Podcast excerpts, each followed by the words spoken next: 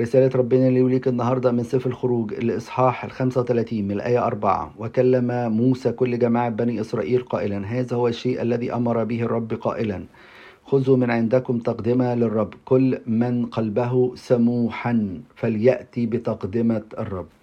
هنا عبارة رائعة جدا ربنا بيقولها. كل من قلبه سموحا فليأتي بتقدمة للرب اوعى تروح تقدم تقدمة ربنا وانت قلبك مش سموح وانت قلبك مش طاهر وانت قلبك مش نقي.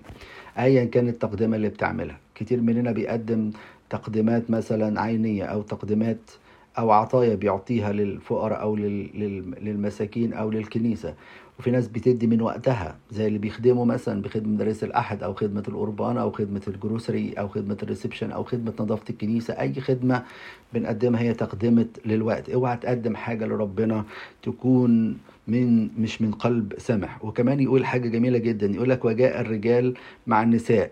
كل سموح القلب. وهنا بيورينا إن الستات والرجاله هما كمان بيقدموا. مفيش فرق بين الراجل والست. وكمان في الصح 36 يقول فدعا موسى بصلائيل وأهوليب وكل رجل حكيم القلب. قد جعل الرب حكمة في قلبه. كل من أنهضه قلبه أن يتقدم إلى العمل ليصنعه.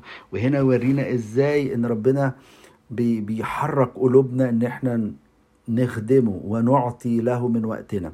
لكن الأعظم من كده ربنا يقول لك كده يا ابني أعطيني قلبك. ما أعظم إن إحنا نعطي القلب لربنا نكرس القلب ده لربنا. إذا عرفنا نكرس الوقت كله دي يبقى شيء عظيم. لكن مع تكريس الوقت الأهم من تكريس الوقت هو تكريس القلب لربنا. ربنا يدينا كلنا نعرف إزاي تكريس القلب لربنا. آمين.